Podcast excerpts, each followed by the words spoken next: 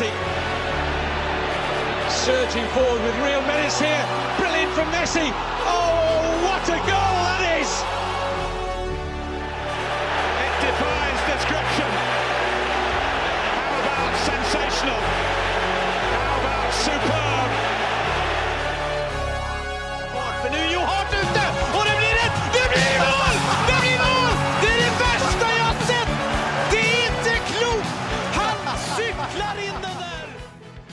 Ja da, det er en glede å ønske velkommen til episode 158 av den eh, særdeles eh, omfangsrike podkasten eh, 90 minutter. Eh, vi sitter som vanlig her i, i studio, eh, to omfangsrike og en litt eh, tynnere. Søren Døpker. hallo, hallo. Var det, det, var det en fancy måte å kalle meg feit på? Var det, det, det, det var en fin måte å kalle oss feit på. Vi må ut på noen joggeturer nå, Mats. Vi må det. Ja, jeg må legge om kostholdet, det er ganske omfattende, det der. Det er et omfattende Ja, kosthold. Det er et omfattende greie. Apropos omfattende kosthold, åssen går det, Dupker? Nei, ja, det er veldig fint. det. Nå har det jo blitt ordentlig sommer også, og det er jo deilig. Ja, jeg syns det blir for varmt, jeg nå. Ja, Syns du det? Dette er i grenseland. Det, det er 24, 24 grader i dag, da. Jo, men kan det ikke, at det ikke, at det er, går ikke an å ha en mellomting, tenker jeg. Altså, Nå er det enten for kaldt eller for varmt. Nei, vet du hva, jeg syns alt mellom sånn 20 og ja, 35-40 er ganske fint. da.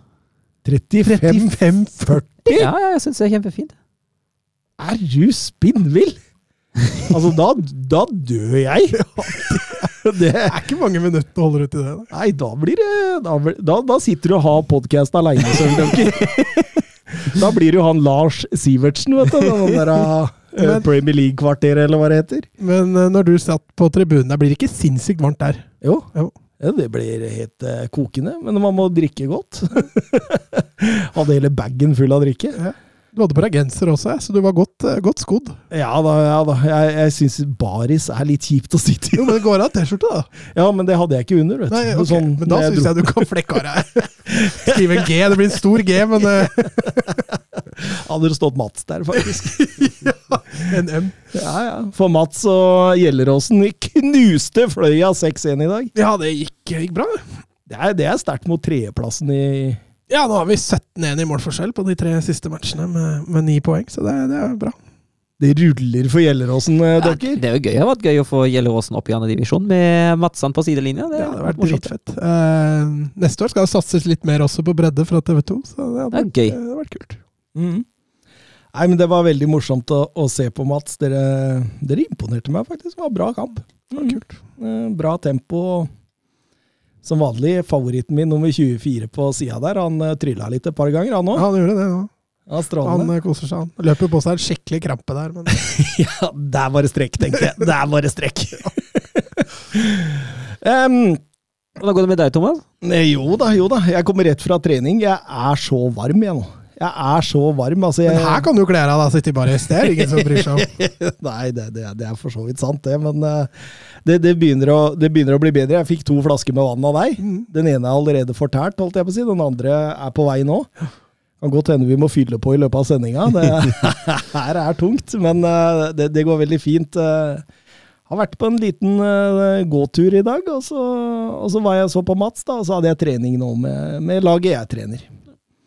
Så det var greit. Um, uh, I dag, i dag så skal vi alene, ene og alene eh, Episoden dreier seg om Hva skal vi si? Altså U21 eh, beste spillere i verden. Altså spillere født 2001 og tidligere. Mm. Eller, sein, eller seinere. Senere. Senere. Ja, blir senere, ikke Ja. tidligere. Nei, ikke tidligere. Nei, senere. Ja, jeg har fått et spørsmål her for en Det stund var vel, siden. ja, det var vel Steffen Hansen som Mm. ønska dette, og så tenkte vi at dette blir jo en episode. Eh, så eh, da måtte vi sette oss ned og, og, og, og finne denne lista, da. Eh, Vi kunne jo hatt landslagspod. vi kunne jo det. Det var gøy på søndag i går. Ja da, ja da. For all del. Ståle har noe på gang, han. Ja da, det er klart når du har Østigård og Haaland, og det er mye bra der nå. Ja, Nå begynner han å ligne på Canavaro, da. Fysisk, altså. Ja, ja, han er helt strålende. Han er helt strålende, han Østegård. Men eh, vi måtte jo finne noe øh, altså noen holdepunkter. Hvor skulle man på en måte sette linja? Hvor skulle man tegne streken, på en måte? Eh, det blei jo en, øh, 2001 og seinere.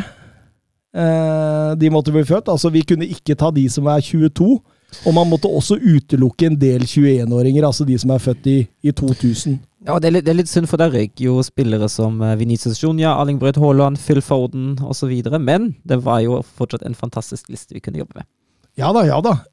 Um, Alfonso Davies. Ja. Han røyk vel med et par måneder, bare, tror jeg. Ja, ja. Eh, og, og, og så handla det liksom Ok, skulle vi utelate spillere som er veldig unge? Eh, ja, ikke sant? Man kunne jo vurdert Kasper Koslowski, Angelo Gabriel, eh, Fabio Carvalho, sånne spillere, men liksom vi, vi ville se dem på et litt høyere nivå før de kom inn her, da. Mm. Eh, man kunne også tatt med liksom litt sånn spillere som Altså, eh, Mokoko og Harvey Elliot har vært mye skada, derfor ble ikke de med på lista, egentlig. Eh, og så var det spillere som ikke nådde helt opp, altså eh, Horslek, som nydeligvis har signert for eh, Leverkosen. Eh, Tyram Minis, eh, Sabarni Zenit, eh, Elanga, som skårte mot Norge i går. Det spillere som var i poolen der, men, eh, men ikke nådde helt opp. Joao Pedro, faktisk, for Watford. Han vurderte jeg lenge. Og nå sitter vi her med en samla liste etter å ha diskutert litt. Fra 1 til 30, og vi begynner vel bakerst. Beste. Nummer 30 på lista vår. Og da finner vi Leverkosens eh, Piero Hinkapi. Ekvadoriansk eh, landslagsspiller. En, eh, en midtstopper. En uh, veldig solid type. Jeg syns, uh, syns Altså, når du ser ham spille, han ser jo ikke ut som om han er 20 år. Han ser ut som han, han spiller med langt mer erfaring, for han, han virker så rolig og som regel veldig, veldig suveren. og har egentlig alt en midtstopper trenger. Og så er det en fordel her, fordi det er ikke så mange venstrebeinte stoppere. Eh, så der også har du en god ting med, med han, da, og spesielt da lag som spiller med trebekslinje, som blir mer og mer populært. Så er det ganske viktig å ha en venstrebeint venstrestopper, altså. Ja, absolutt. Og han til og med fått litt eh, tid i eh, Bundesliga på venstre bekk, og har gjort det strålende også. Eh, og, og det handler nok sikkert litt om Altså, han er så god med ball. Mm. Eh, han har bra fart. Eh, kan ta den med seg over distanse, og syns rett og slett at dette er et, eh, et stort, stort talent. Ja, kan jo tilføye at Kikka, fremste sportsavisen i Tyskland, de kommer jo med en sånn halvårsranking hvert halvår om Bundesligaspillerne per posisjon, og da det, satt de Hinkapi på en sterk 14.-plass Mm. etter forrige halvåret. Så det, det er godt jobba. Seks millioner euro kom han for. Ja. Og nå er han verdsatt på transfermark til 17. Ja, så det er jo voldsomt, voldsomt. Eh, På plass 29 har vi Luka Sukic. Eh, Litt mer ubeskrevet. Ja, han har, jo, har hatt en strålende sesong i uh, RB Salzburg med åtte mål og fire assist i 28 kamper som sentral midtbanespiller. Og han er jo eh, han er en playmaker, en smart, eh, kreativ type som har et eh, fantastisk øye for rom. Han har en brukbar fysikk òg. er vokst opp med å forgude Messi og Luka Modric. Mm. Teknisk ballsikker, litt sånn solid i pasningsspillet. Kan styre angrepet. Jeg syns han er veldig sånn dynamisk eh, og veldig sånn Altså, det er et internasjonalt snitt over det. Men når du kommer fra Kroatia og er en sånn tierspiller, er det ikke, er det ikke nesten obligatorisk å få Gude Modric? Sannsynligvis. Jeg tror, jeg tror du må det. Påkrevd. Han påstår selv han aldri blir nervøs, eh, rett, og han kaller seg sjøl The Shill Guy. men, eh, men en strålende spiller og debuterte for kroatiske landslaget så sent som i fjor. Og som Søren sier, har hatt en fantastisk sesong for RB Salzburg. Og, Bare, bare 19 år. mm. og nå har Salzburg begynt å selge til Premier League. Nå gikk vel eh, Brendan Aronson, som er en annen ung spiller, riktignok et par år eldre, og danske Rasmussen er vel på vei nå, så dette Salzburg-laget, de, de forsyner de beste ligaene. Ja, Adi- Adeyemi har jo også gått til Dortmund i tillegg. Mhm. Men det er ikke Premier League. Det, er, det er ikke de beste ligaene, Søren. Eh, På 28. plass så har vi Nico fra Barcelona, Mats. Ja, Nico Gonzales eh, fortsatt litt udefinert på den midtbanen, men eh, kan bli meget god både som indreløper og som uh, sittende på midten. Eh, fysisk robust spillertype med, med veldig gode basisferdigheter. og er jo også sønn av tidligere, tidligere fotballspiller, så, så der også er det gode gener. Eh, endte jo opp til slutt med, med 27 kamper i, i La Liga, så han, eh, han spilte på seg mye erfaring også i denne sesongen. Er vel ikke den typiske La Masia-produktet? Nei, ikke sånn i utgangspunktet. Han er mer fysisk robust type. eh, Men allikevel så har han basisferdigheten, Han har tankegangen til en eh, La Masia-spiller. Nå er han jo da litt dessverre egentlig rykta veldig kraftig vekk fra Barcelona, så vi får se. Vi får se om han, om han blir, eller om han forsvinner. Potensialet er i hvert fall ganske stort. Så, så tror jeg vel ikke vi har sett det beste av han ennå. Eh, han eh, Det var noe uforløst denne sesongen, så får vi bare se om han blir og, og kan få det ut. Og med udefinert så mener du det at da, du veit ikke om han blir en, en boks til boks, eller om han blir en på en måte balanserende? Er det Altså der Han har begge deler i seg, og det er litt det jeg mener om han skal ha en sittende rolle eller om han skal ha en indreløperrolle. Uh, han er nok ikke den superkreative typen, så han blir nok ikke en Iniesta eller Chavi. Det, det blir han på ingen måte, men han kan bli, bli en boks-til-boks-indreløper eller en sittende en. Ja, men det er jo en fordel at han er fleksibel. Den fleksibiliteten er jo en fordel i seg sjøl. Definitivt.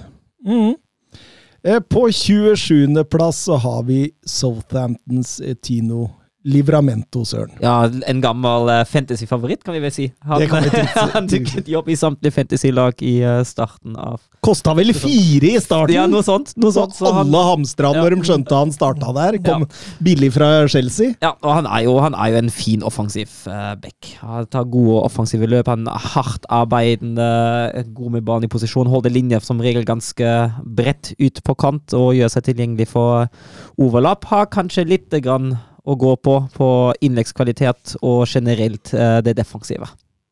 Ja, jeg, det, det som gjør at jeg blir så imponert over Livramento, det er altså eh, den roa han har. Han, han virker så intelligent i måten han spiller eh, på bekken på. Han er flink i posisjoneringene. Altså, han har på en måte Han er Aron van Bissakas motsetning. Ja, jeg ser, jeg ser hva du mener, ja. ja. Det, det, det er her ser, ser alt så planlagt og så ryddig ut. Så, så Tino Livramento kom vel fra Chelsea for jeg tror det var fem millioner pund, ja, så det er, jo, det, er, det er jo rett og slett et røverkjøp.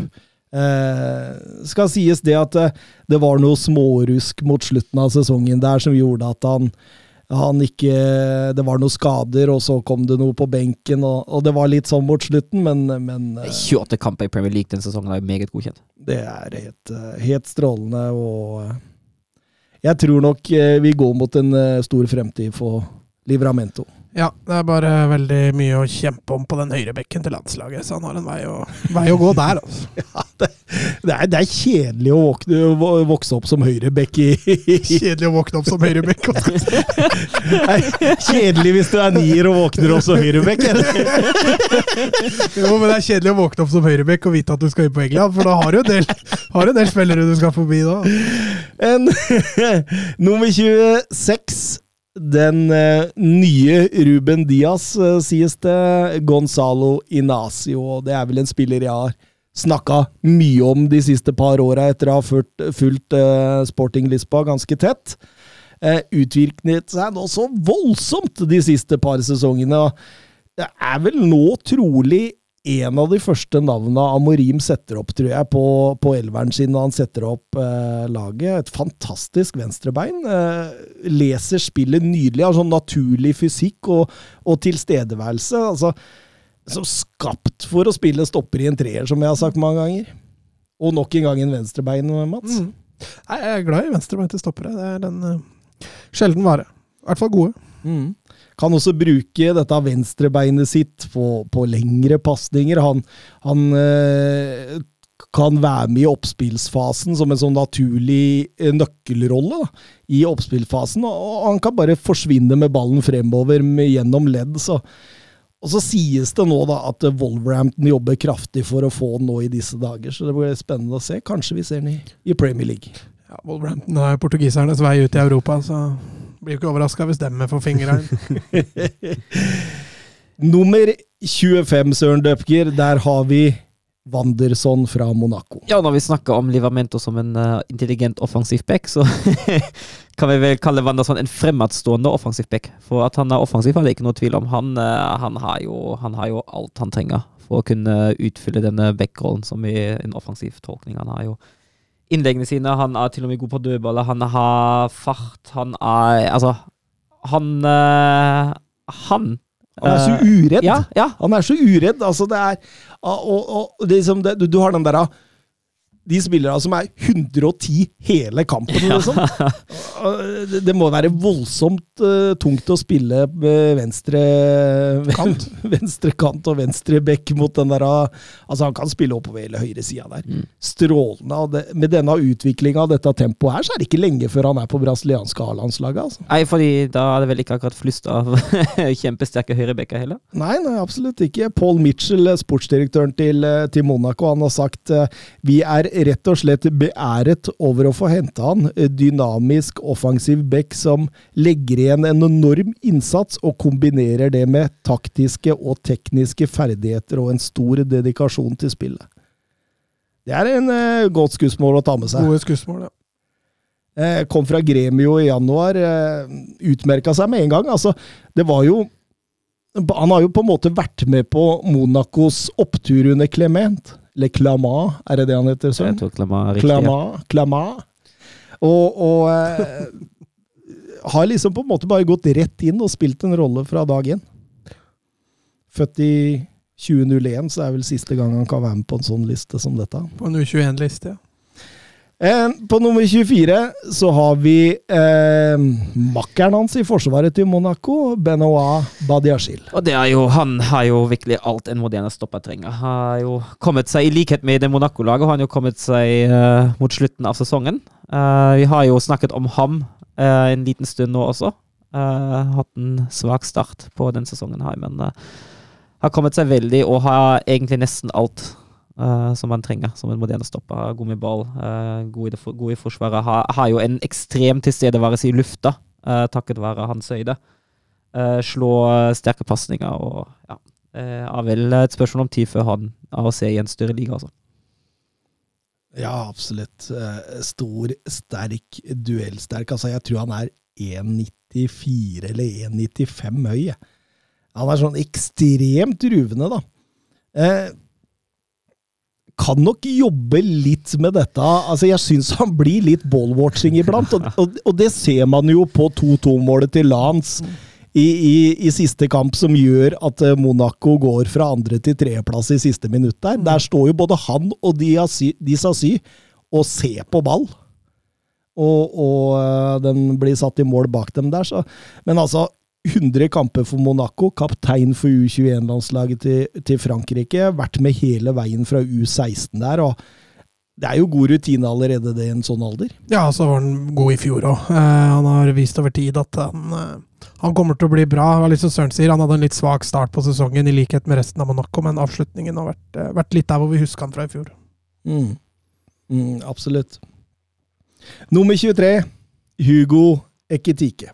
Ja, det er jo en hardy spiss. Uh, litt, litt, uferdig, syns jeg, uh, men potensialet av deg. Uh, og det er jo først og fremst bevegelser som imponerer med ham. Han har jo, han har jo en fantastisk, fantastisk bevegelse i bakrommet. Han beveger seg veldig, veldig godt i boksen.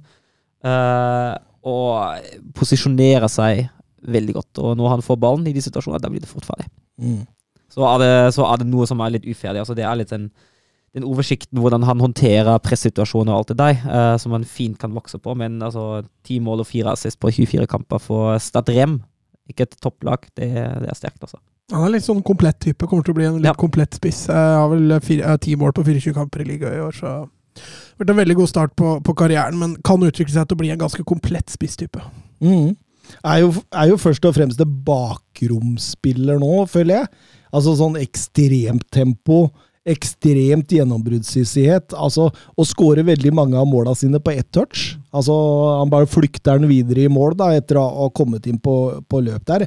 Egentlig en sånn spiller jeg tror eh, på en måte kan bli nesten både A og Å, hvis du skjønner hva jeg mener. Altså, Det kan både bli en internasjonal storstjerne, og, men, men, så kan det også mislykkes og bli litt Montepillier.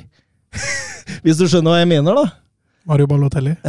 ja, for eksempel. Men, men eh, er vi rykta til Newcastle i disse dager? Det, det, er, det, høres vel nesten ganske klart ut også? Så, det er en fin signering også for Newcastle. En litt sånn ung urutinert som ikke veit åssen det er å bo i Newcastle. ja Han får seg et sjokk der når han kommer opp til Tyneside. Er, er vant til franske rivieraen, eller hva det så er, og så, og så kommer du deg opp til, til det hardtarbeidende strøket i nordet der. Det, det, kan bli tøft. Det første han ser, det er er eh, Roger med, uten tenner og sitter på Nei, det, det, det, altså det, er jo en miljøforandring, det. Men eh, det er jo altså, franske spisser i Newcastle har jo som stort sett lykkes. Altså, Dembaba og Chissé og De har jo alltid fått ut potensialet sitt i Newcastle. Så ja, nei, hvorfor ikke? Hvorfor ikke? Eh, nummer 22 på lista. Litt diskutert hos oss. Eh, først og fremst av hvor skal man plassere den etter så mye skader som han har hatt denne sesongen, men eh, da er vi framme på Jeremy Doku i renn. Og han er jo en herlig spiller å se. Og, altså, hvordan han, uh, hvordan, hvordan han behandler ball når han er på sitt beste, det er, det er rett og slett nydelig. Uh, og jeg syns jo han uh, Jeg var litt fan av å sette den litt høyere oppe. For jeg syns egentlig han har kommet ganske langt i utviklinga si. Uh, jeg syns jo han, uh, han, viser jo når han får spille, når han ikke har skada, hvor god han egentlig er. Mm. Uh, men jeg er jo også enig i at det har jo litt å si at han, at han er litt skadeutsatt, dessverre. Har hatt sånne skader som kne og hamstring. Det er ikke helt bra i en sånn alder, Mats? Nei, det er, det er skader du kan få trøbbel med seinere. så det, det, er ikke helt bra. Han, en, han er jo en en som baserer mye av spillet sitt på fart, og det det er klart du er, kan være litt mer skadeutsatt da, hvis du ikke gjør den uh, forebyggende jobben ordentlig, og kan bli en ny Dembélé-type. Mm. Var strålende i, i et par kamper i EM. Mm. Uh, det som er ofte litt altså Innimellom så blir det litt sånn få, få leken, slå en hake for mye, og så har er ikke det sluttproduktet der. Det ser jo, ser jo veldig pent ut. ja da, for all del. Eh, men, men, men jeg tror, hvis utviklinga hadde gått rette veien denne sesongen, at han ikke hadde fått de skadene, sånn, så tror jeg fort han hadde vært 15-20 plasser opp på denne lista. Det tror jeg også. Definitivt. Eh, for, så, for stå, altså, det er jo en underholdningsmaskin. Det er jo en sånn spiller som det, altså, som kan liksom ta nesten pusten av deg, og du, du, du, du finner deg sjøl i å bare sitte og le mm. eh, når han drar av en tre-fire spillere gjennom der. og eh, Vi får bare håpe de skadetrøblet At det bare forsvinner, sånn at, eh, at de finner ut av det. Eh, sånn at vi blir underholdt i framtida, for dette er, dette er rein underholdning. Ja, herlig spill.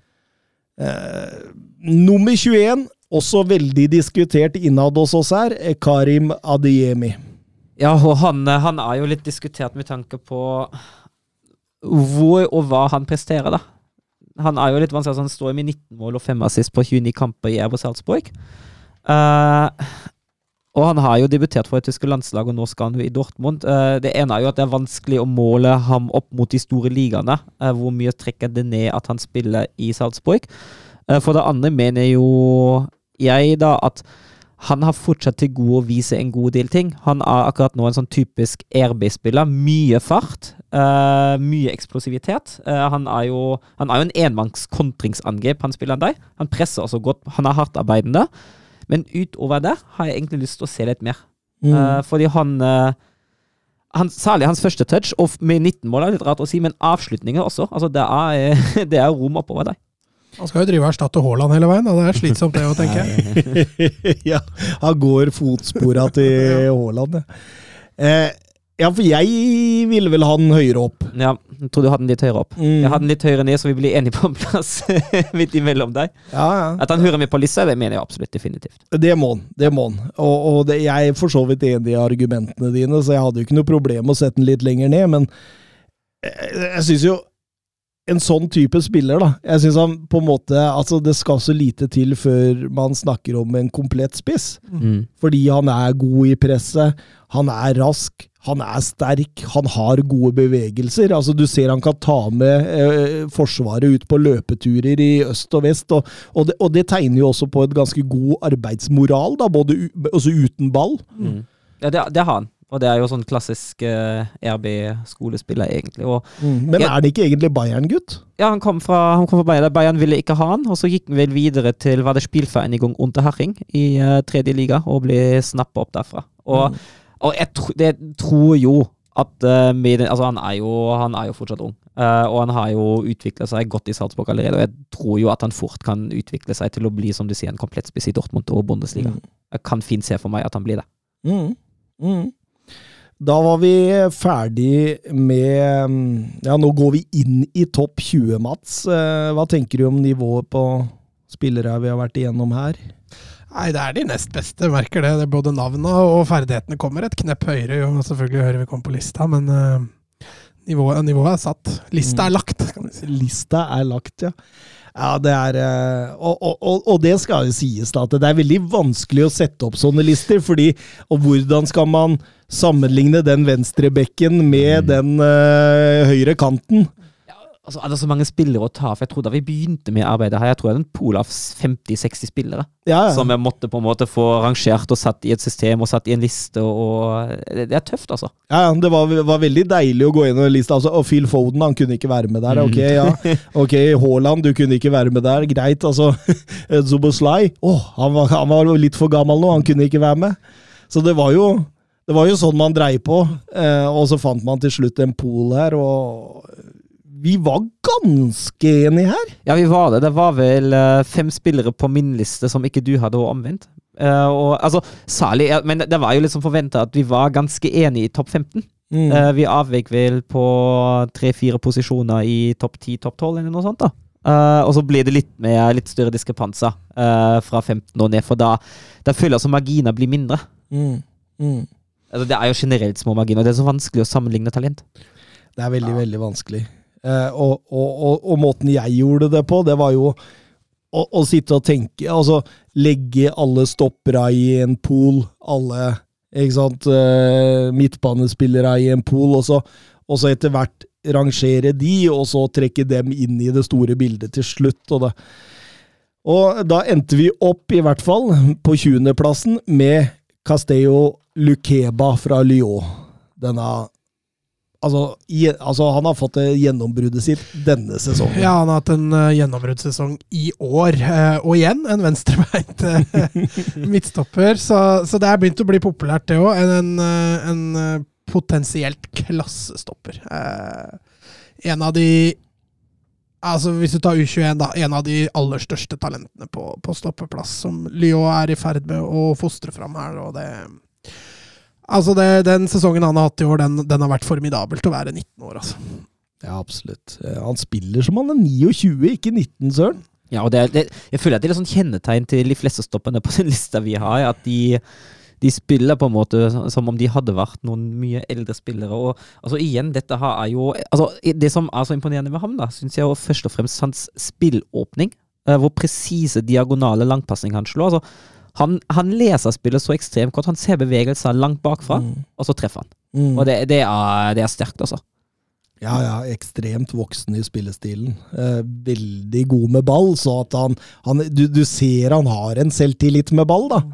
Som gjør at du, du, du, du våger å eh, spille like bra i Trebecks-linje som han gjort i en ren stopperduo der, og jeg tror nok han har plukka opp noen tips fra gode gamle Jerome Boateng der, som han har spilt litt med. Ja, det, det hjelper jo å ha en såpass erfaren midtstopper ved siden av seg som ung spiller. Det er jo fint å ha en som, som tar på en måte sjefsrollen helt klart, og som man kan uh, utvikle seg altså, ikke, ikke, helt, Kanskje ikke helt i skyggen av, men uh, under ledelse av, er kanskje Mm. riktig å si. Mm. Det er fascinerende med franske og stoppere. Det har vi vært innom før. Altså. Ja, det er klart å lure seg. inn. Har vi ikke tatt den tredje ennå, men tre franske stoppere har vi greid å få inn på det laget. Ja, absolutt. Ikke laget, lista. Lista, ja. jeg er vant til å drive lag Ja, lag. Sett opp årets lag er det vi har drevet med nå. Ja.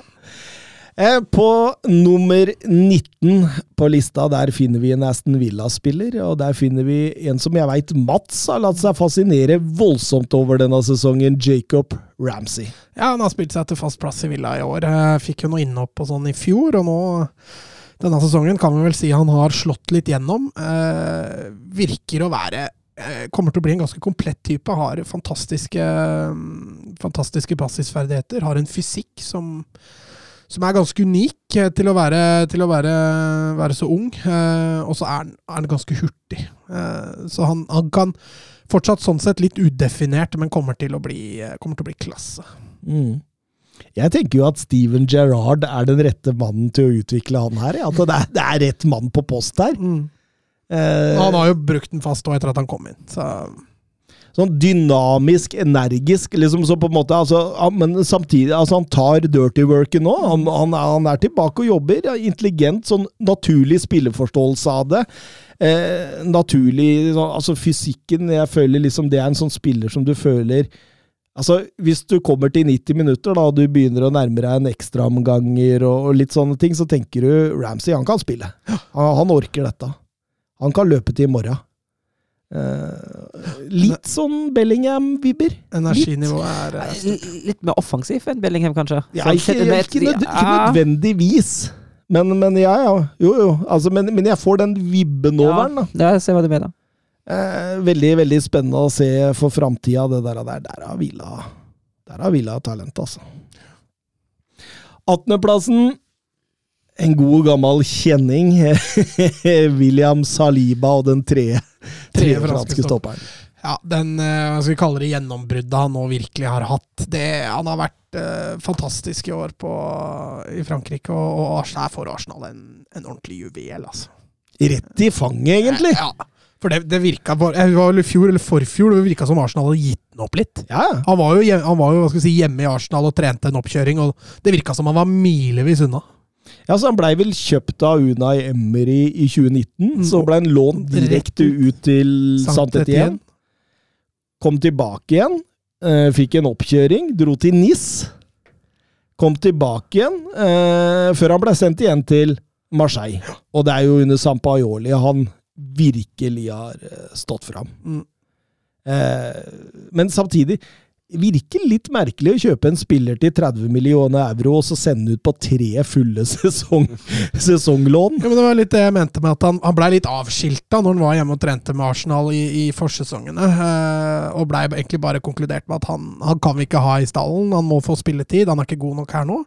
Og i år så har han tatt den pinnen og plukka den opp, og, og Nei, Der får han faktisk nå et lite luksusproblem, Arteta, når han både har White og, og Gabriel, og nå da Saliba. Så får vi se om han tar, det engelske, tar den engelske fotballen. Kanskje, kanskje Arteta går over til Trebekslinjen nå, når han får dette her. Men det er, det er jo aldri, aldri dumt å ha for mange gode stoppere. Men Nei, nei, er du gæren. Og, og Ben White kan jo også gå på å spille i sittende. Ben White har også spilt høyreback, så han, han kan her kan han uh, utforske litt grann muligheter. Og så skal Arsenal opp i Europa, så trengs en bred start. Mm. spilt seg inn på det franske landslaget nå. eh, Det, altså Veldig god i duellspillet, da. Veldig sånn tilstedeværelse. Hurtig, posisjoneringssterk, god til å bryte. Veldig god til å bryte, egentlig. Jeg har sett flere ganger. Eh, Du, du har på en måte hele pakka her, altså. Ja, du har det. Og nå har han jo blitt bedre i lufta òg. Det var kanskje det største ankerpunktet mot ham, at han var litt svak i lufta. Jeg syns han har forbedret seg der òg. Mm. Veldig, veldig spennende å se om han kan komme inn og ta Premier League-nivå nå. Nummer 17. En eh, kjenning for Mats, som har fulgt litt med, mer med i belgisk fotball eh, et par siste sesongene. Charles de Catelære.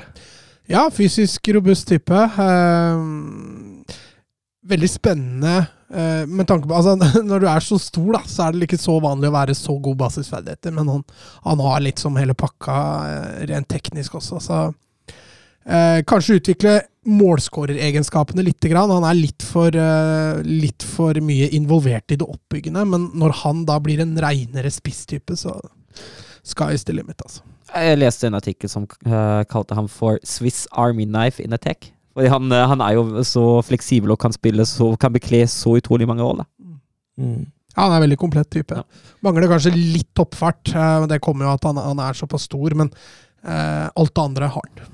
Mm.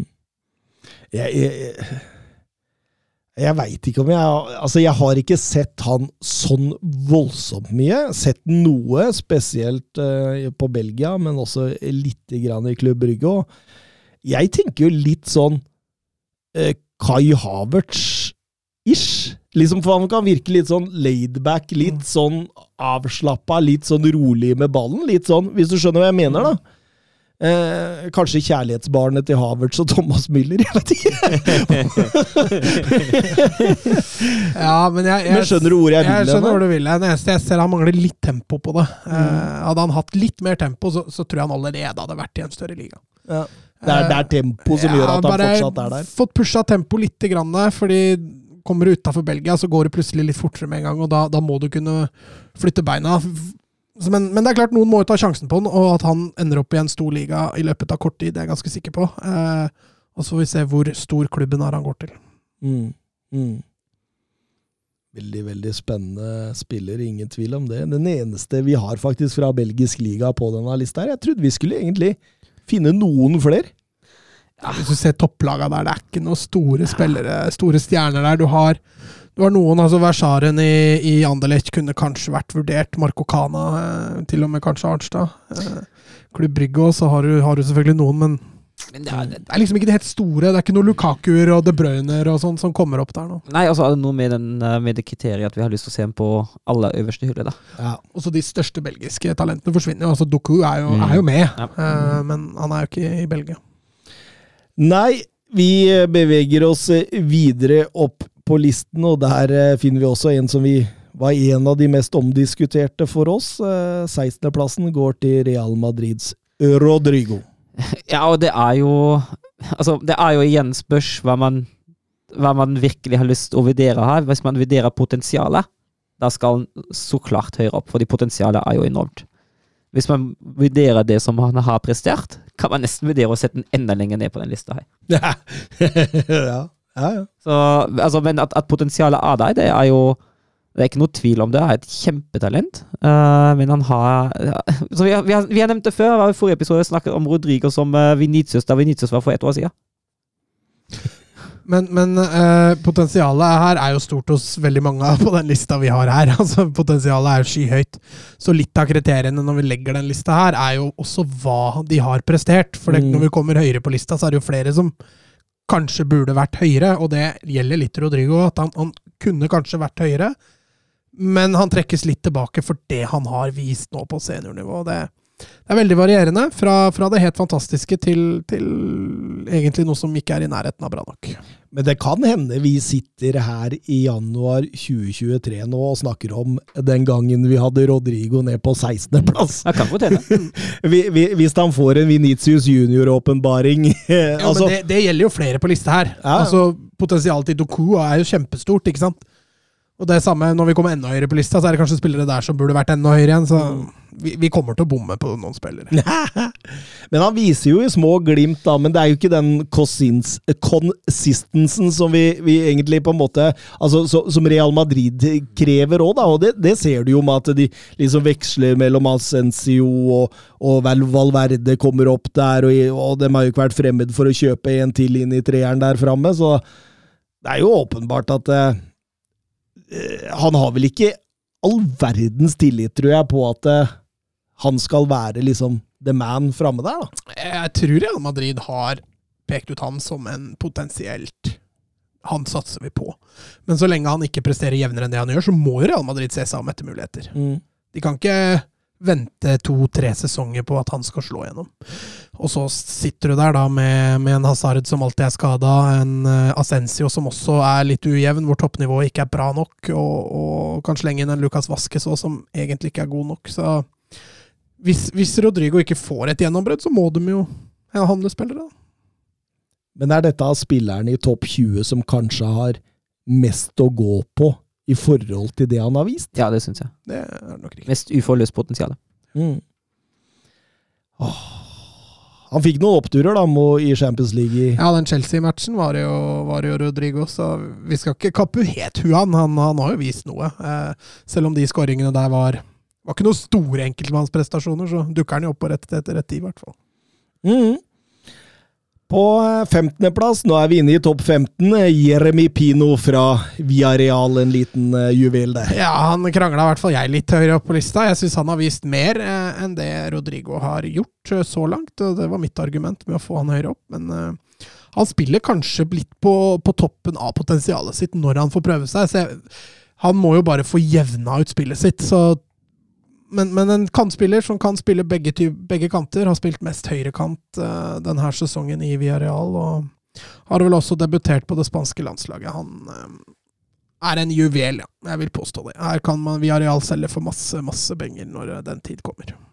Tyngdeoverføringer, balanse, fart, eksplosivitet, det er vel det som kjennetegner han, er det ikke det? Ja, og en enorm spillintelligens. Jeg syns han er en fryktelig smart spiller, ved tanke på hvordan han oppfører seg på banen. Skåra vel fire mål i en match her òg, så han, han har litt goalgetter-egenskap. Nei, unnskyld, hat trick. Han skåra tre mål i en kamp her, eh, Mhm. så han har litt mål i seg også. Og en ung spiller som ikke spiller på Barcelona. Det er litt sånn Eller Real Madrid. Ja, eller, eller kanskje Real Madrid, ja, men ung spanjol, da. Ja.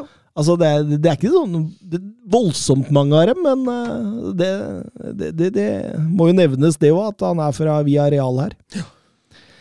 Um, 14.-plass. Nok en gang diskutert. eh, en av de vi diskuterte her, eh, Giovanni Reina der- fra Dortmund. Der. Men der var vi vel enige. ja, vi var, Bare vi at var eh, hadde han fått spille, hadde han vært Ja. mye høyere. Ja, ja, for Vi var enige om det, var vi ikke det? Det er et kjempetalent som dessverre egentlig har mer eller mindre mista et år nå pga. altfor mange skader. Det blir jo bare ti Bundesliga-kamper på ham. Og jeg husker jo veldig godt den Stuttgart-kampen da han kom tilbake etter skade, og så spilte han hva var det, 30 sekunder, og så måtte han av eh, Ikke helt, men sju minutter eller noe sånt, da. og så måtte han av en og gå gråtende inn i garderoben. Det er fryktelig vondt å se. Fordi potensialet har, det er skyhøyt. Det er et enormt talent. Og det er, det er litt sånn en sånn unik spiller, for det er veldig vanskelig å definere ham inn i en spesiell rolle, i en spesiell spilletype, fordi han har så mange styrker. Mm. Mm. Han har ja, jo han glir rett inn i en tierrolle, og han Ja. kan spille kant, og han Ja. kan også spille falsk nier, så det, er, det er en veldig uh... Jeg tror til og med han hadde beherska indreløperrollen. Så han, eh, han er en eh, ganske offensiv, komplett type. Eh, mangler kanskje litt fysikk. Kunne kanskje vært litt kjappere hvis vi skulle pirka på noe, men eh, for orden på skadeproblemene, så har Dortmund en vanvittig juvel, altså. Veldig god til å, å skape ubalanse hos motstanderen. Mm. Er noen ekstremt god på akkurat det. Altså, altså alltid spillbar. Du, du, du ser han vil ha ballen da. hele tida. Han spør etter ballen hele tida. Vil aldri gjemme seg bort. Og, og, og det ser rett og slett ut som han syns det er morsomt å spille fotball. Ja, det er et kjempetegn. Og faren hans var jo en uh, kjenning i Bundesliga. Han spilte jo blant annet for Wolfsburg. Så. Ja. Giovanni, Giovanni Reina er jo faktisk født i England. Mm. Uh, nær Sunderland, der hvor faren spilte i den, den tida der. Um, håper han blir kvitt i seg skaden. Ja, det håper jeg òg. Aldri noe gøy når unge blir tatt av skader, altså. Nei, og det ser du når du går gjennom denne lista her, at det er en del unge som faktisk sliter Mm. med skadeproblemer tidlig i karrieren. Nå har jo Dortmund eh, slitt generelt med skadeproblematikken denne sesongen, så jeg håper jo at de får rydde litt opp i det. Ja, det var vel et av måla de hadde også for neste sesong. Nummer 13, og vi skal over til en ny stopper, faktisk. Jurien Timber fra Ajax, og der, søren, der det, Ajax er jo et lag du har fulgt litt nærmere med Ja. på de siste to åra. Vi vi var jo inne på ham da vi snakket om hvilke talenter som uh, uh, United kanskje kunne heller hvilke spillere som United kanskje kunne hente fra, fra Ajax. Og det er, jo, altså det er jo et enormt talent. her. Det er, han er bare 1,82. Eh, Sammen med Lisandro Martinez, kanskje Europas laveste midtstoppere. Østigård, da. Ja, men han er jo altså Man, man legger ikke merke til det når han spiller. Uh, altså den, at han, er, han har et enormt blikk for spillet. Han er taktisk utrolig smart. Han er god med ballen. Uh, det som man kanskje litt, kan sette litt fingeren på, da, det er mannsmarkeringer generelt, så sånn eh, defensiv uforsiktighet. Eh, det er kanskje da man må defensive dødballer. Ja, generelt, ja. ja. Uh, og det er kanskje der man må jobbe litt med. Men uh, vi snakker her om en moderne stopper som kan nå ekstremt langt, altså. Dette har et enormt stoppertalent. og 30 kamper uh, den sesongen for et uh, gullvinnende Ajax i, uh, i RS Division og åtte kamper i Champions League. Det er, det er sterke tall. Begynner å få mye stoppere i Nederland òg. Ja, de gjør det. De gjør det. De er gode på den utviklinga for tida. Han stoppa å produsere vinger omtrent. vet du. Ja. Enklere å produsere stoppere. Men, men, men, men Timber Altså, det er, det er jo en sånn stopper som du tenker at han har så god teknikk at han kan fint løftes opp sentralt på midten. Ja, faktisk. uh, sånn sett et godt kjøp for Manchester United eventuelt, da, på grunn av at uh, du faktisk har den muligheten òg. Mm. Uh, hørte jo et intervju med ham hvor han Han var ikke veldig gira på å flytte på seg. Det var, det var, jo akkurat som om jeg, jeg trenger å bli her litt til. Fornuftig gutt. Mm. Ja, og han, han, spiller jo allerede på nederlandske landslaget. Har debutert i For ganske nøyaktig et år siden. Han vel debutert i juni 2021. Så, mm. Og han er jo bare 20, så jeg tror ikke at uh, et år til i Ajax uh, nødvendigvis gjør noe galt for utviklinga hans. da. Absolutt ikke. Uh, meget spennende stoppertype, det der.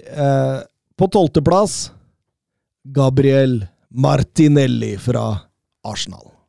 Ja, han også kan vi vel kanskje si har fått et sånt lite gjennombrudd. Sånn, altså Man har hørt uh, rykter om Martinelli egentlig i flere år, og så har også her skadene ødelagt litt. Um, men denne sesongen så fikk han en del kamper etter hverandre, og du så når formen kom, så, så er han et lite unikum. Altså. Uh, en sånn type du kan sette opp én mot én, en type du bare du får satt han rettvendt, da, så skaper han noe. Mm. Eh, god fart, gode dribleferdigheter, bra fotballforståelse, uredd. Så noe stort man har på gang her på kanten hos, eh, hos Arsenal. altså. Ja, absolutt. Var jo på prøvespill både her og der. Eh, var to måneder eh, hos Manchester United på prøvespill. De ville ikke ha han. Nei. Høres riktig ut. Det er sånn de håndterer personalet sitt. ja. Da ble det Arsenal, og, og det er jo en spiller med Arsenal-DNA, vil jeg si. Ja, det går hurtig framover. Han har vært, det som kanskje overraska mest positivt, er at han har vært så lojal defensivt. Han, han tar de derturøpa, han, han stenger gode rom defensivt. og Så fort Arsenal vinner ball, så går det hurtig framover. Altså. Mm. Så han er, en, er, i ferd med å bli en uh, ganske tilnærma lik perfekt kantspiller i Arsenal, som passer Arsenal. Ser han prøver å finne rom rom inn bak hele veien. Og, og, det er litt sånn all or nothing-spiller, eh, Søren. Det, liksom, det går i 190, og, og, og, jeg tenker jo liksom veldig ofte på at, at noen ganger så fader det litt ut. At det virker som man er avhengig av å få noen gode involveringer for å kunne fortsette. Men når den dårlige kommer, så kan han kanskje bli litt borte igjen før han får de par-tre gode, og da mm. Ja, men det, altså, det er jo, det er jo en det er noe verdifullt over det. At han, at han er jo en potensiell forskjellsspiller. Det er en spiller som potensielt kan avfyre kamper helt alene. Mm. Og Arsenal har jo leita litt etter, etter, motparten til eh, Bukayo Saka på sin andre kant, og har kanskje funnet det nå i Martinelli. I hvert fall med tanke på hvordan utviklingen har vært. Ikke kanskje. Ja. Uh, så lenge han er skadefri, så er han venstrekanten til Arsenal. Det, det, det bør han være. Mm.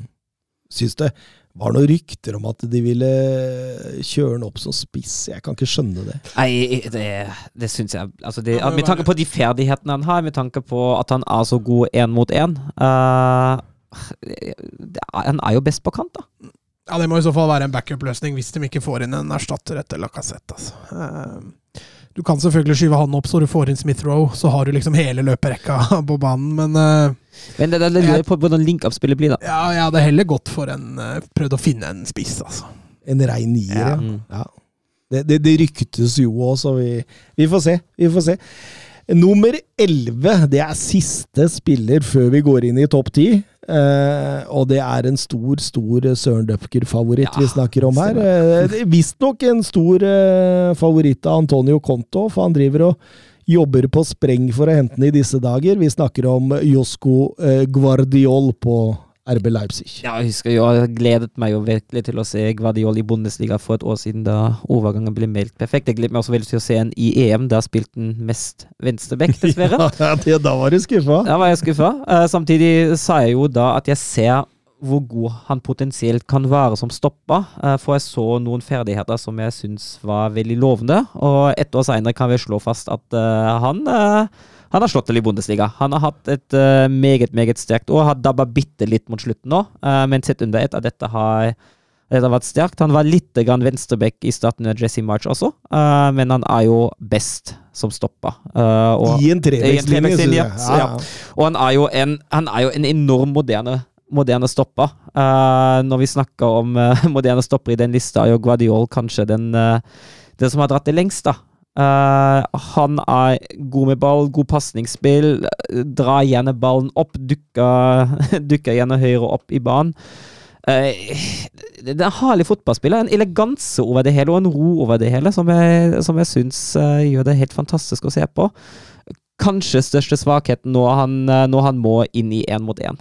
Da har han fortsatt litt, litt å gå på, men altså, det, det defensive altså, Han er jo god defensiv òg, altså, herregud. Det, mm. Mm. Det er lite å, å, sette fingeren på her, og dette har kommet til å være en stopper som kommer til å prege den europeiske fotballen de neste 10-15 åra. Altså. Såpass god og trygg med ball at du liksom kan gi en sånn nøkkelrolle i oppspillsfasen. Ja. Altså at han eh, Altså, gjort savnet til Opamecano og Konaté knapt nok til stede denne sesongen, egentlig. Altså, det og, og, kommer jo sammen med Sima Khan, og du kan jo si det at uh, han har jo på mange måter vist at han har gått Sima Khan en høy gang, syns jeg. Ja, for jeg syns jo også at Sima Khan ikke er helt den moderne stopperen. Han er jo en som definerer seg litt mer over taklinger og duellspillet. Uh, og, litt armer og bein. Ja, litt armer og bein. Mens Guardiol er en litt sånn mer elegant type. Mm, absolutt. Uh, kunne godt tenkt meg han i Tottenham venstrebeint uh, stopper. Det er åpenbart det Conte er ute etter med Bastoni og, og, og, og eh, Guardiol. Ja. Men da ser vi også lista hvor, hvor, unike og hvor bra de venstrebeinte stoppere er. Nå har vi vel med fem-seks stoppere på den lista her, og det er vel bare én som er høyrebeint. Så mm. de venstrebeinte stoppere er litt sånn Det er litt sjelden vare unike, unike spillere topp ti nå. Eh, nå begynner det å dra seg til. Nå begynner det å komme navn som eh, ja, eh, Store, store navn, egentlig. Navn som det har blitt snakka om eh, ganske lenge. I hvert fall vi. ja, og det, det, er så morsomt at vi var jo mest enige i det området her. Der var vi ganske enige, ja. Eh, det, vi har gjort én justering. Ja. Ellers så var vi stort sett enige her. Så, så, så, det tyder jo på at uh, lista er ganske vanntett. Og så kan jeg tenke meg det, når man setter opp sånne lister, da, så, så vil jeg jo tro at altså, hvis du spør 100 personer, så får du 100 forskjellige lister. Mm. Det, det, vil jo alltid være sånn. Så, så, så, veldig betryggende at vi har eh, kommet så nær hverandre på dette. Eh, det, det, det, og, og, da sier jeg ikke at dette er en fasit, så hvis folk har lyst til å, å, kjefte på oss for lista, så er de gjerne velkommen til å gjøre det. Ja, det er jo det, er, altså, det som er jo så gøy med fotball, at man kan diskutere så mangt og mye. Og at man uh, kan være veldig uenige om veldig mye uten at det er feil. Mm. Ja, ja, absolutt. Det er vanskelig å si du har feil noen ganger, ja. Mm. Så sant det ikke kommer på regler og sånt. Der, der går an å si det, Mats. Dere er faktabasert, ja. Faktabasert, ja. Si. Men uh, på tiendeplass Vi endte opp med Ryan Gravenberg, som er, er, han klar for ja, Bayern München nå? Ja, han er klar for Bayern. Ja. Og ut ifra det jeg har hørt, i hvert fall. Uh, mener han er offisielt bekrefta. Uh, eh, mulig det så må nesten sjekke. Nå må jeg nesten si at jeg ikke sier noe feil, men jeg mener at han er Men den, den virker jo ganske klar. Ja, den, han, han nok. Jeg, mener at han er offisielt. Ja, måtte ikke ut med all verden heller. 20 mil Uh, pluss noe add-ons der. Uh, er jo et uh, vanvittig potensial. Nei, han er faktisk ikke Han er ikke, ikke klar ennå. det er han har vært på, han har vært på, på legesjekk, og så man mangler på en måte den siste bekreftelsen fra, fra klubbene nå, men at den kommer, den uh, tviler jeg ikke på i det hele tatt. For der kom han! han sitter og Nei da, det- oppdaterer live der. Nei, men, men- men, men, men, men vi går, går, eh, Nei, Gravenberg, da. Altså, det er som Mats er inne på. eh, 20 millioner euro ish pluss add-ons, og det, det er jo siste sommeren Ajax kunne få penger for den. Ja, og det, har jo, det, det, trykker jo prisen, eh, prisen ganske kraftig ned. Og Bayern gjorde nok en eh, god deal her for Altså, jeg er veldig veldig spent på Ravenberg i eh, Bundesliga. Jeg tror dette kan bli meget, meget bra, eh, i hvert fall på sikt. Han har jo Altså, han har jo en teknikk og en tilstedeværelse uh, på banen som er helt fantastisk. Uh, samtidig er han Han er jo litt udefinert. Altså, jeg tenker jo altså, han er litt best i en i en offensiv rolle i, hvis Bayern skal spille en 4-2-3-1-formasjon sin, der, Uh, i den, at han tar den offensive rollen av det, men han kan også fungere i den defensive. Uh, det er en uh, midtbanespiller som har mange ferdigheter, mange kvaliteter. Må kanskje jobbe litt med konstans. Andre sesonghalvdel i Ajax var kanskje ikke like bra som første, Eh, men hvis Bayern klarer å utvikle dette her, og hvis Ravnberg fortsetter utviklinga si som han har gjort de siste åra, så blir dette gull, altså. Vært i Ajax hele sin karriere, har et såkalt uh, Ajax-DNA i spillestilen sin. Uh, vært mer eller mindre fast siden han var 17 år gammel, og det har jo vært et talent man har snakka lenge, lenge om. Måtte ta steget etter hvert nå. Bayern blei det. Og jeg tenker jo at det er et bra steg for å ta, egentlig. Fordi altså, Ja. det er ikke noen voldsomt store forskjeller i, i den helhetstankegangen til Ajax og, og Bayern München. Nei, altså, Det eneste som er dumt med den overgangen, er vel for Jamal Musiala, som fort kan få enda litt mindre minutter hvis ikke han blir dytta ut på en kant. Men uh, for Gravenberg tror jeg nok eh, det er et eh, godt steg. Han jeg tror nok ikke han glir rett inn, men uh, at han kan få en del minutter allerede første sesong, det, det bør han gjøre. Jeg tror han ligger foran uh, både Sabitza og Roka i køen, og Tolisso er ferdig i klubben. Ja, det var det jeg mente, Mm. men du har en eh, Du har to sittende som er ganske urokkelige, føler jeg. Mm. Eh, så er det hvem de velger å gå for i den tierrollen. Ja, for Hagoretska, har han skrevet ny kontrakt, eller? Det var vel snakk om at han ville vekk også, på Ja, jeg, jeg, jeg, jeg, tror ikke det er, han, jeg, han tror jeg har forleng- forlenget, ja. Han er ikke Mm. en av de som eh, Jo, han, uh, han har nok Må jeg passe på at jeg ikke sier noe feil igjen, herregud. Men, uh, han, Vi setter den fast nå, Mats. men han, uh, han mener jeg har forlenget, ja. Han, han har ikke vært en av de som, som det har vært Selve det bibelen i. Bundesliga sitter her og søker på sitt andre Ja, ja nå, nå var det svakt, altså. Men han Jeg mener fast at han har Jo, han har kontrakt ut, ut sesongen 25-26. Ja, Ja, da er han ikke har det noe problem. Og da, og da vil jo de to plassene der være opptatte. Men samtidig, altså verken Goretzka eller Kimmich har spilt hele sesongen nå. De har vært skada. Nei, Ja. men jeg, jeg, jeg tenker jo da å ha en Gravenberg og en Musiala som begge trenger spilletid, da. Ja, men Musiala kan du jo løse med kantene. Han kan jo, Ja. der, han kan, han kan jo også inn i, i rollen foran uh, Goretzka og Kimmich. Men han har gode kantspillere, og han der Ja, er ja. Nagelsmann, skjønner du. Ja, vi får se hva som skjer med Gnabry, da. ja, kanskje han uh, ryker i disse dager, ja. Uansett veldig, veldig spennende med Gravenberg, tiendeplassen den er eh, vel fortjent. Eh, Niendeplassen, der har vi eh, en eh, som jeg egentlig snakka om lenge før han gikk til Paris Saint-Germain. Nuno Mendes, venstrebekken der. Eh, eh, var på en måte ingen overraskelse når PSG kom og henta han, fordi det man så han i Sporting Lisboa, var jo så voldsomt imponerende, med den ekstreme trøkka og krafta i spillet sitt hele tida. Litt sånn offensiv av natur, men samtidig god begge veier. Ja. Han er en moderne back med fysikk. Mm. Ja, Det, det finner du ikke så ofte. Nei, absolutt ikke. Kan vel på mange måter si at Nuno Mendes er spilleren etter Kylian Mbappé, som på en måte kan gå mest rakrygga etter, eh, etter, eh, etter denne sesongen, syns jeg. Mm. Ja, når han først har fått muligheten, har fått en del muligheter i året, han, så han, eh, han har gjort det stort sett forbilledlig, egentlig. Mm.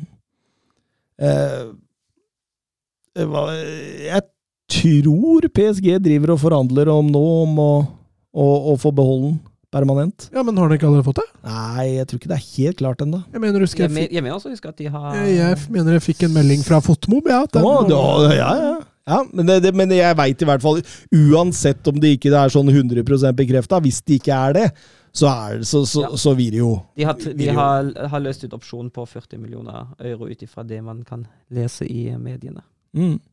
Og, det, og det, da, da har du en venstreback i 10-15 år som bare kan løpe opp og ned den linja der. Og, og med Hakimi på den andre bekken, da så har de jo da har de jo skodd seg i mange år framover. Den, eh, den er grei, den venstrebekken framover. Allerede 13 landskamper for Portugal. Så det, det, det, det er eh, veldig, veldig spennende. Så du sier er at plassen til Rafael Gureiro er litt i fare? Altså, Ja, det, det vil jeg jo tro han er sånn Rafael Guerreiro Guereiro har spilt i siste, siste sesongen. Det, det var ikke mye å rope hurra for. Um, nummer åtte. Kjæledegget eh, for Matt Granvold, Ansu Fati. Og den siste spilleren som eh, vi snakker om i skadeplaga her nå. Den sesongen her. Kunne vel uten skader vært topp tre, i hvert fall. Ja, det var en av argumentene jeg brukte som i starten, på tanke på plassering. For det potensialet hans er vel kanskje størst av, av alle. Men pga. skader og et helvete det siste halvannet året, så, så er det litt vanskelig å plassere han noe særlig høyere. Og han, han får jo en såpass høy plass ene og alene for det han har vist som potensialmessig før skadeproblematikken. Eh, så det er litt sånn Bob Bob med han òg. Hvis skadene blir bare, ikke blir bedre, så, så kommer jo ikke han til å slå gjennom i full blomst. Men skulle han greie å ha en sesong nå uten skader, så tror jeg vi kan få en, eh, få, ha en fantastisk fotballspiller der. sånn. Enormt. Altså, altså han har så mye å by på, søren. Ja, han har jo han har et ferdighetsregister som er ganske så bredt. Uh, og God avslutter òg. ja, Litt og, sånn atypisk spillertype der. Ja, og han har, jo, han har jo egentlig alt som en uh, kantspiller trenger. Og at han uh, kan bli en uh, stor, stor stjerne om han skulle holde seg frisk, det er det ingen tvil om. Og så tror jeg det kan hende at vi kan få se en del som spiss. Mm. Mm. Uh, når man da allerede har Ferran Torres på den ene siden. og Får se litt hva som skjer eh, på, på overgangsmarkedet, men at Fatih Fati kan ende opp med å spille en del spiss, det tror jeg. Ja, i hvert fall nå eh, om uh, Xavi ønsker å reinstallere eh, Barcelona enda litt mer tilbake til røttene. Veldig, veldig herlig fotballspiller på mange måter. altså Så kvikk og så rask, så deilige temposkifter, god én mot én. Han er både skapende, han er målskårer. altså Bare det at han har seks mål da på de 14 kampene han har spilt denne sesongen totalt, sier jo egentlig det meste. For det tar jo litt tid å komme i gang òg, da. Ja, jeg tror bare han har starta to-tre kamper av dem òg, ja. Så det, Mm. det meste er jo fra innbytterbenken. Eh, så nei, potensialet der er, er skyhøyt. Nydelig. Nummer sju, Eduardo Camavinga. Ja, og han, eh, han har jo våget skrittet ut fra league og inn, eh, inn i en større liga og inn i Real Madrid. Har vel slitt litt med å finne plassen sin i den sterke midtbanen der, men han har jo fått en del innhopp og litt spilletid. Ja, han også ligger vel såpass høyt på lista fordi han har vist et enormt potensial. Uh, han har vel litt å gå på i forhold til hva han har vist i Real Madrid i år, men potensialet hans er jo skyhøyt og er en sånn, hva skal vi si, den moderne, sittende midtbanespilleren som, som er litt uh, boks til boks allikevel. Men jeg syns andre halvdel, eller kanskje siste, siste kvart av sesongen, da, uh, siden februar-mars, da, så syns jeg nå han har kommet inn, har det sett, har det sett bedre ut. Ja, han har jo fått større og større ansvar av Mm. Ancelotti. Eh, vi har jo snakka mye om Kamavinga helt siden han var en 16-17 år i renn. Så har jo vi fulgt han, og vi kunne jo se det ganske tidlig at her er et outstanding talent. Eh, på en måte ingen overraskelse i det hele tatt at Real Madrid casha ut for han. Eh, eh, kjøper vel Chouameni i disse dager òg, så det, det er jo åpenbart at eh, det jobbes jo mot å fase ut Kroos og, og Modric etter hvert, i hvert fall. Ja, kanskje Casemiro òg? Mm, kanskje Casemiro, ja. Mm, kanskje Casemiro. Kanskje, Casemiro. kanskje, Casemiro. Kashmir, kanskje Casemiro. Eh, nei, det er veldig, veldig fin. Kan diktere spillet, har fine bevegelser. Eh, virker alltid som han har litt ekstra tid med ballen i beina. Alltid Ja, litt ekstra. men, men til å være så hva skal vi si, gåseøyne liten, da, så er det en kraftpakke fysisk. altså. Mm. Uredd. Så nei, han, han kommer til å bli knallbra. Veldig bra.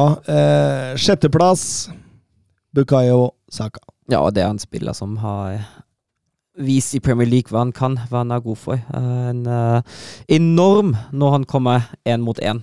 Uh, veldig god til å skape ubalanse, gode, sterke ferdigheter med ball, ha sluttprodukt, ha oversikt, finne medspillere og har vært, har vært en av de beste i Arsenal.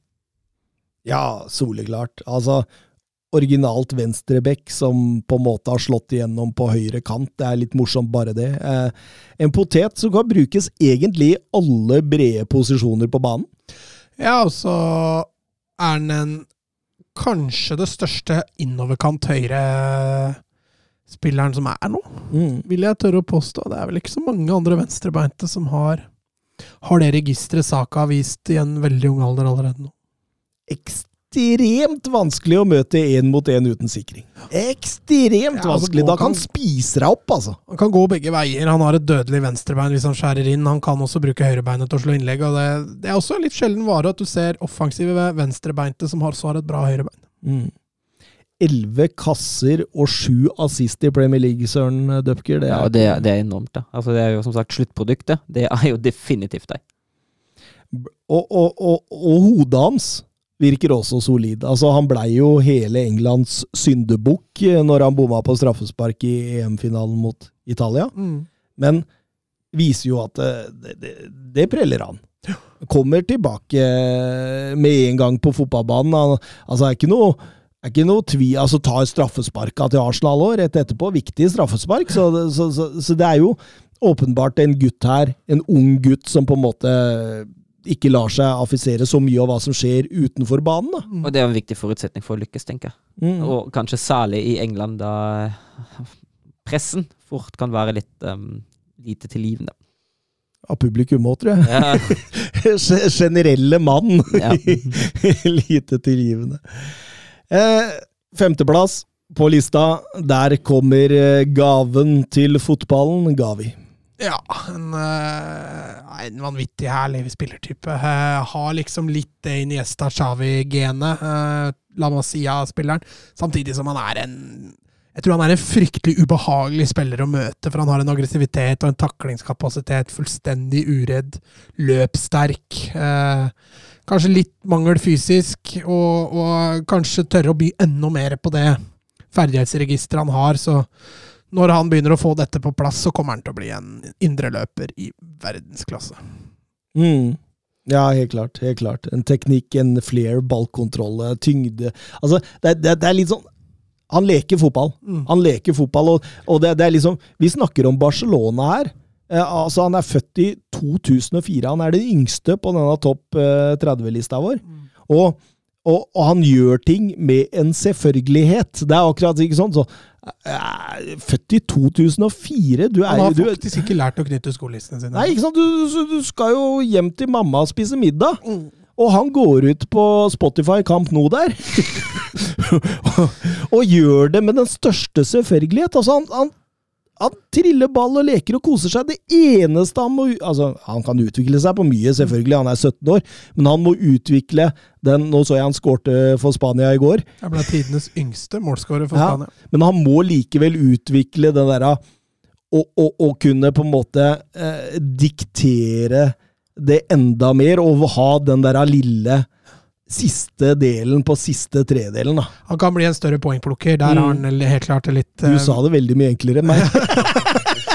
eh, Der har han helt klart mer å, mer å føre på. Eh, Foreløpig spiller han kanskje litt på det safe, men det var litt, liksom litt det jeg skulle fram til. Da, at han, han kan bli mer avgjørende.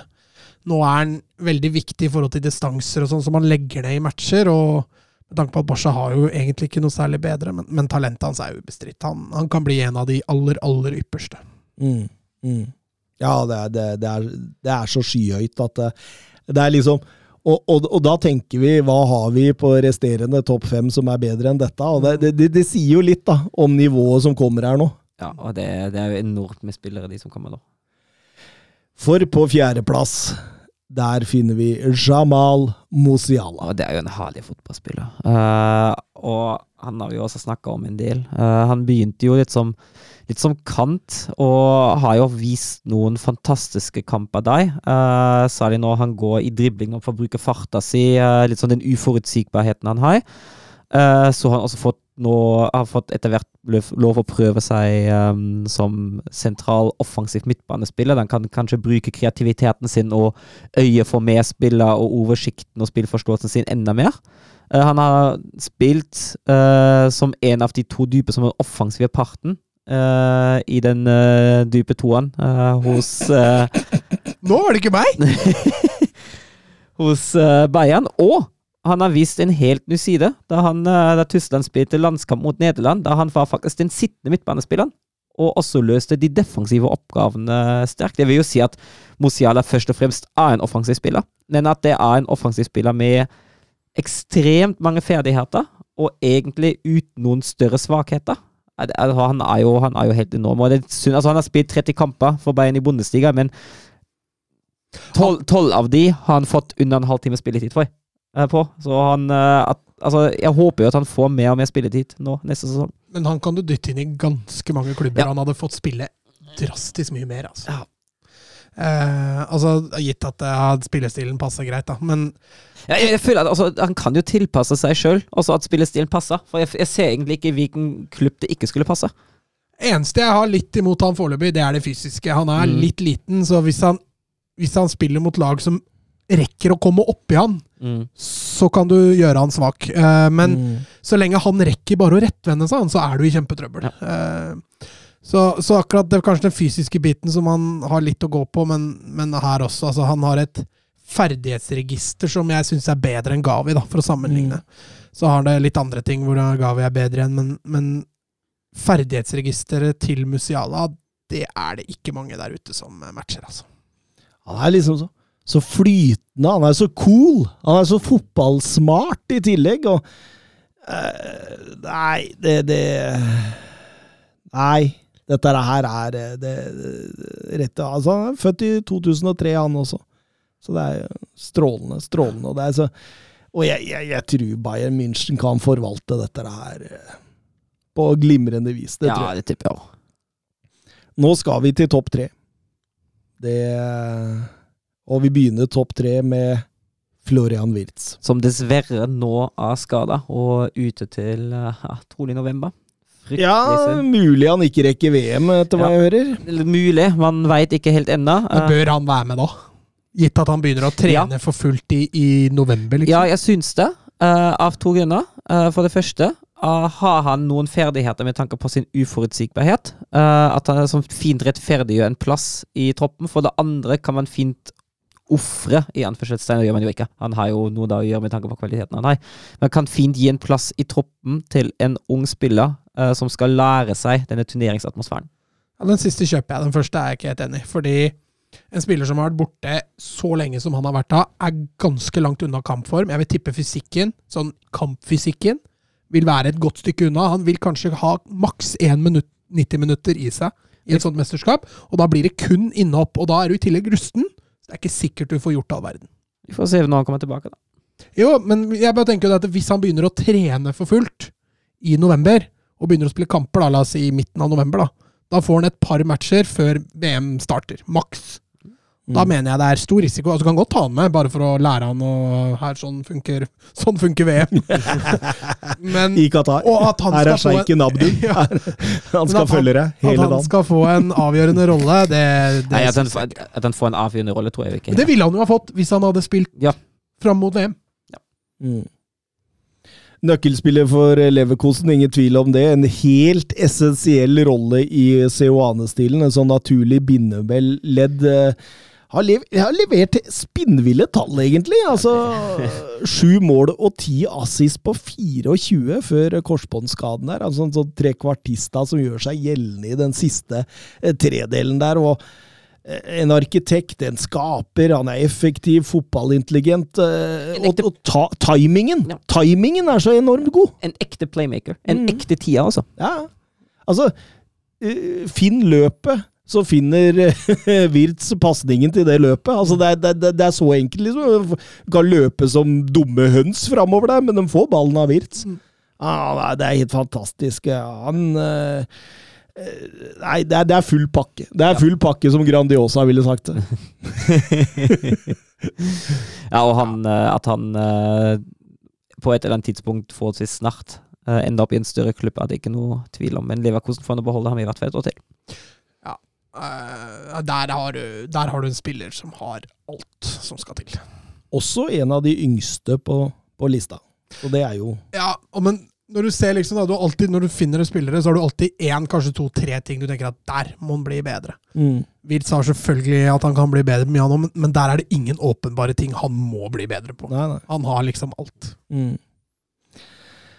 Nummer to Pedri. Ja, og det var jo, jeg sa jo at Fati var den siste som var skadeplaga, stemmer ikke helt med tanke på Wirtz og Pedri, men Fati var på en måte den siste som ble satt ned noen plasser pga. skader.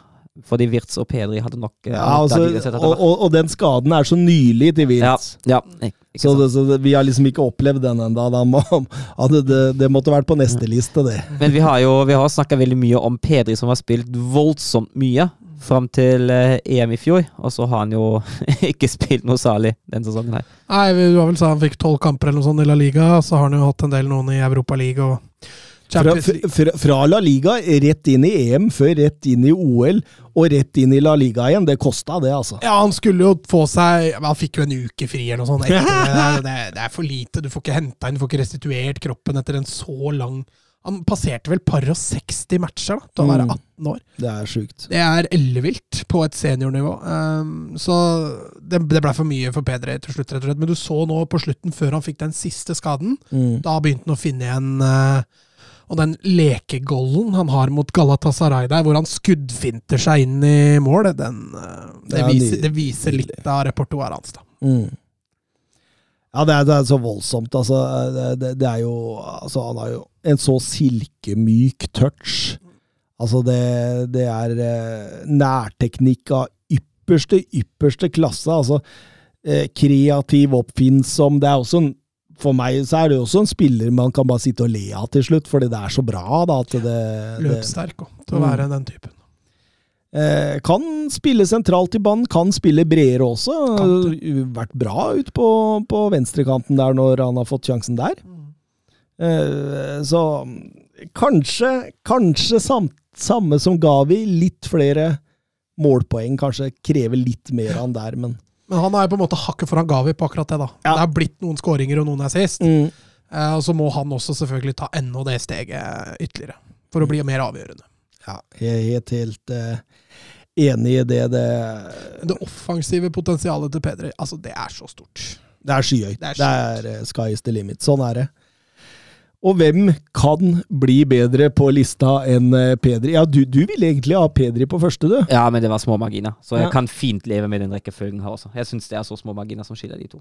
Ja, Og så er det jo en Bundesliga-spiller som får nummer én. Ja, Altså. Det er jo tre Bundesliga-spillere i topp fire, så det er jo kjempegøy. Ja, Vi satt og så det telte over, det var ikke mange Premier League-spillere der. Nei, det, de, de kjøper dem når de har blitt gode nok. Premier League, det er dit du drar for å skinne, og så er det andre som får utvikle det. Det var jo vi kalte vel eh, Bundesliga for Premier Leagues fødestue, var det ikke Ja, det? det stemmer nok. Ja. og Serie A for Premier Leagues kirkegård. Men uh, denne spilleren, jo, han har blitt født. Han ble født i 2003, så han er en av de yngste på lista, han også. Vi snakker Jude Bellingham fra Borussia Dortmund. Ja, Her har vi den eh, kanskje mest komplette spilleren uh, i denne lista. Han har fysikken, han har farta, han har utholdenheten, han har ferdighetene, han har forståelsen. Altså, han, han har egentlig alt. Eh, han er god defensiv uh, i det defensive, han er uh, avgjørende i det offensive. Han er eh, både en målgjører, en assist-maker, han er en som kan redde på strek. Altså, han har alt. da. Det er, det er absolutt alt. Ja. Ja, det, er, det er så komplett at det nesten er morsomt. Altså, det, altså al- hvordan det går an å være så komplett. I en alder av 18. Ja, det, det, det er helt, helt, helt sinnssykt. Altså, altså jeg, jeg tenkte på det. Hvilket lag i Europa er det han ikke hadde fått mye spilletid? Eller hvilket lag i Europa er det han ikke hadde passa inn i? Ja. Det er faktisk et litt mer interessant Ja. spørsmål. Fordi han tror jeg du kan justere til å få til å funke overalt. Ja, det er jeg helt enig i. Og han, altså, han har jo også en fotballsmarthet uh, som er helt enorm. Mm. En romforståelse. Altså, nei, han, eh, han Ja. Ja, han altså, taktisk smart, han er effektiv, eh, jobber knallhardt, dekker rom. eh, Flink til å se raske løsninger. Fysikken, altså en enorm allrounder. Det er, Ja, det er han, ingenting, ingenting å ta ham på! han, han hadde skinn, skinnet han i Sevilla. Ja, ja. ja. Han hadde vært eh, Sevillas priviet. Ja. Eh, han hadde gått inn i Liverpool og forbedra midtbanen i Liverpool. Han hadde gått inn i Real Madrid og forbedra midtbanen i Real Madrid. Altså, det eh, City, rett inn, rett inn som indreløper der. For, for, for jeg, jeg, jeg tenker jo Det er en åtter han er. Ja, Han- han, er best som indreløper, helt enig, men han kan jo fungere som sitt nå. Ja, og som tier. Ja, ja. Se et par av de dragningene han har innenfor 16-meteren. Han drar jo av fire mann i en telefonkiosk, han. ja, ja. Og så hadde han vel en kamp mot Beian. han var veldig god som venstre kant, altså. Og, Mm. Ja, absolutt. Og det, det, det virker jo mer og mer som han har fått en sånn lederposisjon i Dortmund innad i spillergruppa òg. Altså, altså, han, altså, når du ser når Dortmund sliter, så er det han som går fram. Det er han som tar duellene. Det er han som på en måte eh, prøver å, å, å vinne tilbake initiativet for Dortmund. Så det, det er så sinnssykt bra at det mm, Jeg veit ikke hvor lenge Dortmund får holde på. Et år til, kanskje? et år til, tror jeg. Mm. Han går neste sommer, det er jeg rimelig sikker på. Og da blir det en budkrig, tror jeg, ut av en annen verden, for det er flere spillere, lag som vil ha han der. Ja. Og det er vel to, kanskje tre klubber i England som kanskje blir mest aktuelt. ikke? Han har kontrakt eh, til eh, 2025, Mm. Men uh, jeg vet, Ja, jeg vet der har Dortmund vært smarte. De har signert en ny kontrakt uten at noen veit det, og så gjør de dette klart uh, rett før. ja, vi, får, vi får se. De tyna ut noen millioner. ja, Men, det, men det er jo ikke noe problem for han å være i Dortmund til 2025, sånn egentlig. Nei. Han er så ung. Altså, hvor, hvor gammel er han da? Da er han jo 21, da. Det er jo helt spinnvilt. 21 år, og du har liksom fullført en femårskontrakt, eller hva det er, allerede på toppnivå. Det er Nei, det det, er, det, det er så voldsomt. og det er, det er jo derfor for meg også han går forbi Pedri. altså Fordi potensialet til Pedri kan være i samme klasse, den, men det er, han er mer komplett. da. Mm. Du, du, det, det, det er um, Du kan sette den inn i Barcelona, du kan sette den inn i PSG, du kan sette den inn i Liverpool. Han kommer til å, å, å være gjeldende der. Så det er en helt strålende fotballspiller. og, og Veldig fortjent, syns jeg. Altså, jeg. Jeg satte den opp som nummer én ganske tidlig.